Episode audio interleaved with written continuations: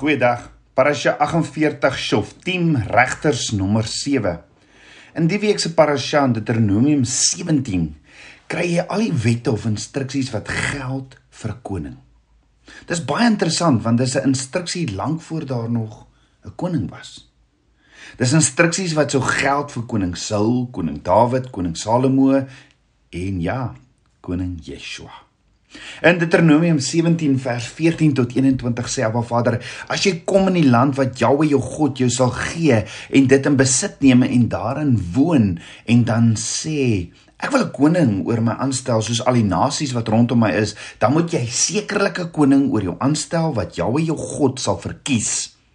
Uit die midde van jou broers moet jy 'n koning oor jou aanstel. Jy mag geen uitlander wat jou broer nie is nie oor jou aanstel nie. Hy mag nie vir hom baie perde aanskaf nie. Hy mag die volk nie na Egipte teruglei om baie perde aan te skaf nie. Aangesien Jahwe vir jou gesê het, jy mag nooit weer teruggaan op hierdie pad nie. Ook mag hy nie baie vroue aanskaf nie dat sy hart nie afwyk nie. Hy mag ook vir hom nie uitermate baie silwer en goud aanskaf nie. En as hy op die troon van sy koninkryk sit, moet hy vir hom 'n afskrif van hierdie wet in 'n boek skrywe uit die wat voor die levitiese priesters lê. En dit moet hy dit moet by hom wees. Hy moet al die dae van sy lewe daarin lees dat hy kan leer om Jahwe se God te vrees deur al die woorde van die wet en hierdie insetting te hou om dit te doen sodat sy hart hom nie verhef oor sy broers en hy hom van die gebod nie regs of links afwyk nie dat hy die dae kan verleng in sy koninkryk, hy en sy seuns onder Israel. Let wel, dit moet 'n koning wees van 'n Vader wat 'n Vader sal verkies uit die midde van die seuns van Jakob. In die dae van die apostels het mans soos Herodes en die die die groot Herodes die grootes en Herodes Antipas die titel koning van die Jode vir hulle self geneem, maar hulle was nie wettige konings van Israel nie. Nie Abba Vader sê duidelik jy mag nie 'n vreemdeling aanstel wat nie uit en uit uit die stam van Israel is nie. Deuteronomium 17 vers 15 sê dit duidelik. Yeshua beskik ook oor 'n lang, indrukwekkende genealogie wat tot by koning Dawid teruggekeer het. En ironies genoeg probeer sommige mense Yeshua se Joodse identiteit onderdruk of dit as 'n irrelevant af te maak. Sommige mense beweer selfs Yeshua was 'n Jood tot sy opstanding. Hulle weier om toe te gee dat hy nog steeds 'n Joodse Jood is en steeds 'n Jood sal wees wanneer hy terugkeer. Maar as enige iemand sê Yeshua is nie meer 'n Jood nie, sê hulle eintlik Yeshua is die koning. Hy is nie meer koning nie en daarom gee Abba Vader baie baie duidelik en spesifieke instruksies met betrekking tot 'n koning wat deur Abba Vader verkies word. Die instruksie sê baie duidelik die koning moet 'n afskrif van hierdie wet in 'n boek skrywe, die Torah, en dit moet hy by dit moet by hom wees en hy moet al die dae van sy lewe daarin lees dat hy kan leer om op 'n Vader se God te vrees deur al die woorde van hierdie wet en hierdie insetting te hou om dit te doen sodat sy hart hom nie verhef oor sy broers nie en hy van die gebod nie regs of links afwyk nie. Ons weet Yeshua is die Torah. Met ander woorde hierdie instruksie verseker dat die koning self hom aan die Torah, Abba Vader se wette moet onderwerp en dit nie mag wegvat of verander nie. Hoor mooi. Deuteronomium 17 vers 20 sê duidelik dat die koning se hart hom nie verhef oor sy broers nie en hy van die gebod nie regs of links afwyk nie. Dat hy die dae kan verleng in sy koninkryk en hy hy en sy seuns onder Israel. Met ander woorde die koning van Israel is onderworpe aan die wette van die Torah, net soos almal. Die verpligting om 'n afskrif van die Torah vir die koning homself te hê, het die koning daaraan herinner dat hy nie bo Abba Vader se instruksies of wette is nie, selfs al is hy die Messias. Is dit hoekom hulle Yeshua juis wou aanstel as koning omdat hy die Torah so goed geken het? Ja. Aangesien die Messias die koning Messias die koning van Israel is, is die wette van die koning van Israel van toepassing ook op Yeshua en daarom het hy dit nie weggevat nie. En as jy die profeseë bestudeer van ons Messias in die woord sou 'n koning uit die huis van Dawid opstaan net soos Dawid sy voorvader. Die gebooie nakom soos voorgeskryf staan in die Torah um, om sekerheid as die Messias wat wat dan sekerheid sou wees dat die Messias hy is. Voldoen Yeshua van Nasaret aan hierdie vereistes? Verseker. Maar as ons slegs moes oordeel volgens die konvensionele teologiese voorstellings van vandag van Yeshua, sou ons tot die gevolgtrekking moes kom dat hy nie die Messias is nie. Wat is die konvensionele interpretasie vandag? Die konvensionele interpretasie van Yeshua stel 'n Messias voor wat mense bevry van die wet, van die gebooie van die Torah en dis nie waar nie. Daarom maak Yeshua dit baie duidelik op verskeie plekke en sê ek sê en doen niks as ek nie my Vader dit sien doen het nie. Daarom sê Yeshua ook in Matteus 5 vers 17 tot 19: Moenie dink ek het gekom om die wet, die wet is die Torah, of die profete te ontbind nie. Ek het nie gekom om te ontbind nie, maar om te vervul. Want voorwaar ek sê vir julle, voordat die hemel en die aarde verbygaan, sal nie een jota of een titel, een titeltjie, dis letters in die Hebreëse alfabet. Hy sê ek sal nie een lettertjie in die Hebreëse alfabet van die wet ooit verbygaan tot alles gebeur het nie. Hy sal dit nie wegvat nie. Elkeen dis wat een van die minste van hierdie gebooie breek en die mens so leer, sal die minste genoem word in die koninkryk van die hemele. Maar elkeen wat dit doen en leer, hy sal groot genoem word in die koninkryk van die hemele. En dit bring my by die belangrikheid van die maand van die Lul wat in die week aangebreek het. In Eksodus 12 gee Abba Vader vir ons sy kalender. En op sy kalender is daar sekere afsprake wat hy met my en jou het. Dit is nie weggevat van Yeshua nie. Yeshua het dit kom leef. En voor ons daaroor praat, dink gou daaroor. Het dit al ooit met jou gebeur dat jy 'n afspraak het met iemand en jy is so so opgewonde oor hierdie afspraak? Maar toe jy opdaag is die afspraak reeds 2 dae gelede verby. Wat gebeur het is jy die tyd van die afspraak heeltemal verkeerd gehad en so die afspraak gemis. Ons het binnekort spesiale afsprake met Papa God en baie van Abba Vader se kinders het met die aanbreek van die maand Elul met sekere voorbereidings begin vir hierdie afspraak wat Papa God met ons het. Daar's hierdie opgewondenheid, maar ook 'n diepe ondersoek in hierdie tydperk wat gedoen word onder andere Wat is die toestand van my in jou hart? Wat ons eintlik veronderstel is om elke dag ook te doen. Maar wat is die toestand van jou hart? Abba Vader, die skepper van van hemel en aarde, nooi my en jou om sy feesseisoen te kom vier. Maar ek dink dit is belangrik om my en jou hart te ondersoek soos wat ons veronderstel is eintlik om elke dag te doen of dalk terug te draai van ons verkeerde weë voor hierdie feesseisoen van Papa God aanbreek. Die vraag is tabernakelskind van Abba, wanneer laas het jy self ondersoek gedoen en vir Papa God gevra om vir jou te wys wat is in jou hart wat nie daar moet wees nie? Wat is in prioriteit bo Abba Vader in jou lewe, jou familie, jou besigheid, jou geld, wat is belangriker as hy in jou lewe? Dink daaroor as ek en jy 'n spesiale middag beplan of as ek 'n as ek 'n spesiale middag beplan vir my seuns. Sal ek as pappa darm tog so bly wees as hulle opgewonde is oor hierdie afspraak en hulle self so voorberei dan nie? Hoe sal ek nie voel as hulle my afspraak wat ek met hulle gemaak het net ignoreer en aangaan met hulle eie dinge? Hulle reël hulle eie goed, hulle reël hulle eie en hulle vir my heeltemal hierdie roeping as ek as pappa hulle nooi na hierdie afsprake, tydjie wat ek met hulle het om met hulle te gesels. As hulle enigiets anders belangriker ag as my afsprake as hulle pappa met hulle, sal dit mos my bitterlik ongelukkig maak as hulle pappa dan nie.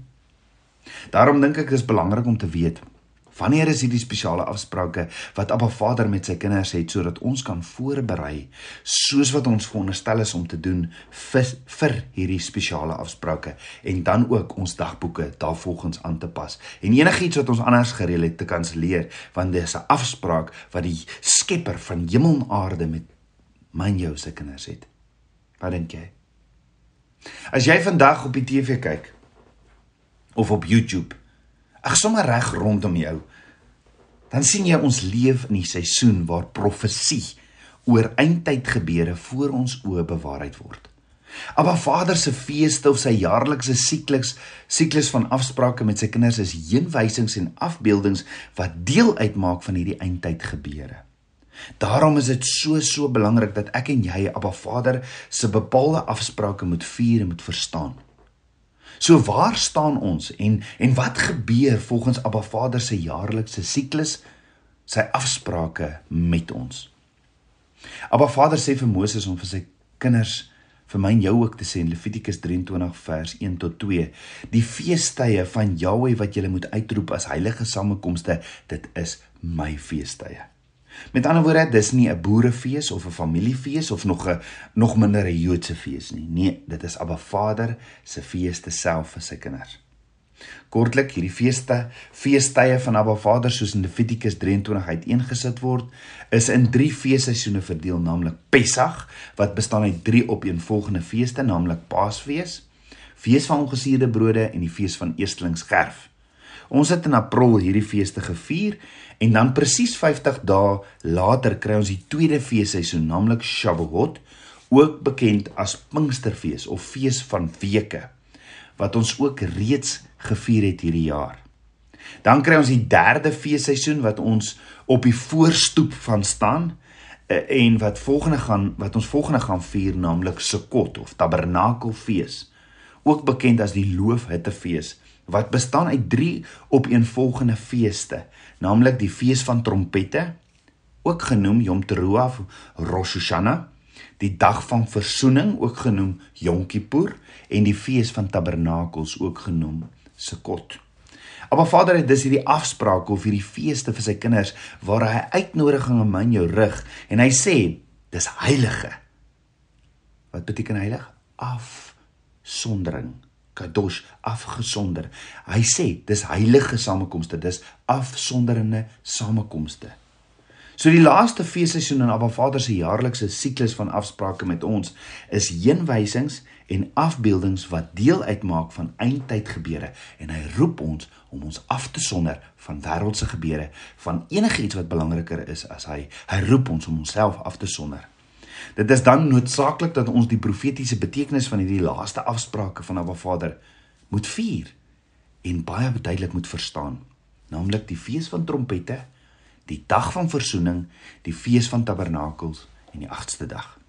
Hierdie laaste feesseisoen begin 6 September.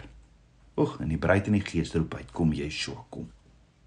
Maar hierdie laaste feesseisoen se kot of loof loof hitte fees word vooraf gegaan met 'n tydperk van selfondersoek, berou en verootmoediging bekend as teshuva.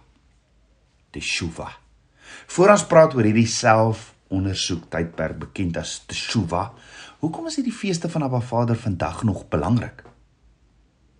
Was dit nie net belangrik in Moses se tyd nie en moet ek dit nog vier? Ja, ek en jy moet dit vier. Ons koning het en hy het en Abba Vader sê 'n ewige instelling. Ons moet dit vier en verstaan want hoor gou die eerste twee feesseisoene is reeds deur Yeshua met sy eerste koms na die aarde vervul. Toe hy die doringkroon gekry het. Yeshua is die pasgalam wat vir ons geslag is om te bevry van die slawejuk van sonde. Dit het gebeur op die eerste feesseisoen, naamlik Pessach. Yeshua is die ongesuurde brood die een sonder sonde en die brood van die lewe wat in al ons behoeftes van gees, siel en liggaam voorsien. Dit is reeds vervul deur Yeshua op die fees van ongesuurde brood. Yeshua is Abba Vader se eerstelingsgerf, die eerste om uit die dood op te staan en die eerste van Abba Vader se oes wat deur die genade in Yeshua ingesamel word. Reeds vervul deur Yeshua op die fees van eerstelinge. Yeshua het 40 dae later opgevaar na die hemel sodat ons Ruach HaKodes, die Heilige Gees kan ontvang om hier op aarde as regverdiges in krag en gehoorsaamheid volgens Abba Vader se onderrig en instruksies sy woord te leef. Dis ook reeds vervul deur Yeshua op Pinkster of Shavuot. Die laaste feesseisoen wat begin op 6 September hierdie jaar is 'n heenwysing na Yeshua se wederkom as die koning van konings en as die leeu van Juda met die goue kroon wat sal kom om hier op aarde vir ewig te regeer. Is jy so opgewonde soos ek? Daarom is hierdie laaste seisoen van afsprake met Abba Vader van kardinale belang en moet ons die betekenis van hierdie verstaan. Die feit dat die eerste 4 bestemde tye presies volgens profesie op die aangewese datums op die uur vervul is, is bevestiging en bewys dat die laaste feesseisoen ook presies volgens profesie vervul sal word. Daarom is dit baie belangrik om Abba Vader se afsprake op sy kalender te gedenk en te verstaan. Dis hierdie afwagting op die wederkoms van ons bruidegom Yeshua.